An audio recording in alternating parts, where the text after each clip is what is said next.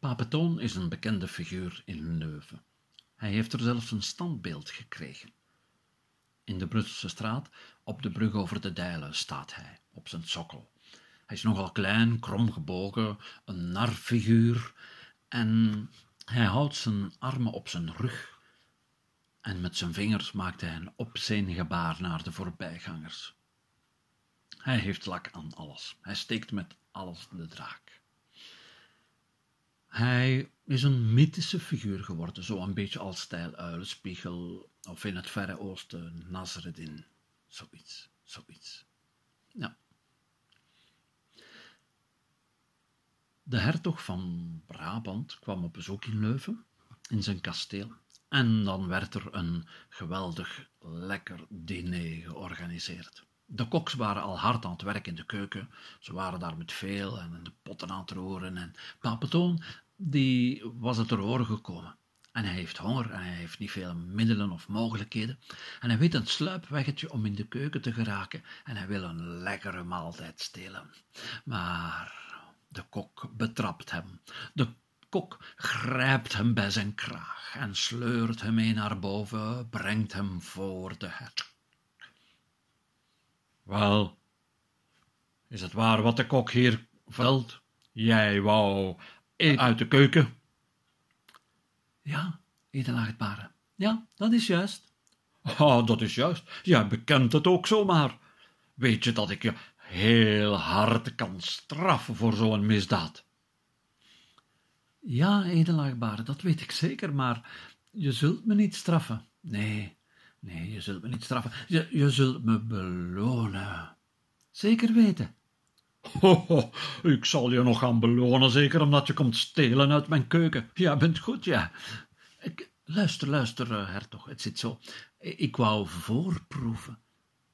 Ja, je weet maar nooit of, er iemand hier in huizen, tussen al het personeel en de vele mensen die erin en uitlopen, of er niemand wa was die wou vergiftigen. Daarom Och, jij bent een echte schavuit. Hoi, kok, geef die man daar een tafeltje en een stoel en laat hem genieten van de resten van het eetmaal.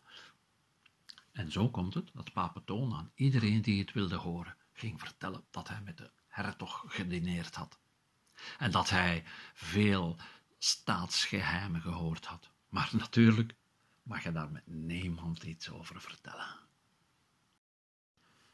Papetoon, de welbekende figuur in Leuven, die steekt zoveel schelmenstreken uit. Hij lacht met de pastoor, hij lacht met de bourgeois van Leuven, hij lacht met de hertog van Brabant zelfs, hij lacht met de rechters, hij lacht met alles en iedereen. Maar op een bepaald moment krijgt de rechter van Leuven er genoeg van. Tro is te veel. Hij vindt het helemaal niet grappig meer. En hij vindt het minder en minder grappig. Hij vindt het lastiger en ambetanter en lastiger en ambetanter. En op een bepaald moment vindt hij het zo erg dat hij besluit om Papetoon te arresteren. Papetoon komt voor de rechtbank en hij wordt veroordeeld.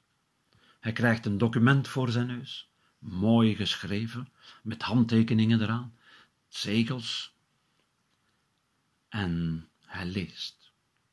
De genoemde Papetoon mag zich niet meer vertonen op Leuvense grond en wordt verbannen naar Luik. Papetoon, Papetoon is wel triest. Hij gaat heel stilletjes goeiedag zeggen aan zijn bewonderaars, aan zijn vrienden, aan zijn familie. En hij vertrekt met paard en kar. Hij vertrekt naar Luik Maanden gaan voorbij. En een hele tijd later komt Papetoon heel statig aangereden tot bij de stadspoorten van Leuven, met paard en kar. En hij staat vier rechtop op de kar. En op de kar, aan zijn voeten, ligt een dikke laag grond. De wachters roepen, halt, halt, uh, Papetoon, we kennen je wel hoor, Leuven is verboden terrein voor u. Papetoon lacht. ah, ik blijf toch hier, hoor. Scheer je weg, Toon. Ja, maar hey, om me terug te sturen, dan moet je wel de rechter zelf haren, hoor. En hij maakt grapjes, trekt gekke bekken En uh, brengt de mensen die daar voorbij komen aan het lachen. En de mensen stoppen, blijven staan. Er komen nog meer mensen bij. En ze denken, oh, dat gaat er stuiven. Wat gaat die grappenmaker nu weer uithalen? Onze papetoon is terug. Om nog meer mensen, geroezemoes, discussies, weddenschappen. En dan stilte. De rechter komt eraan.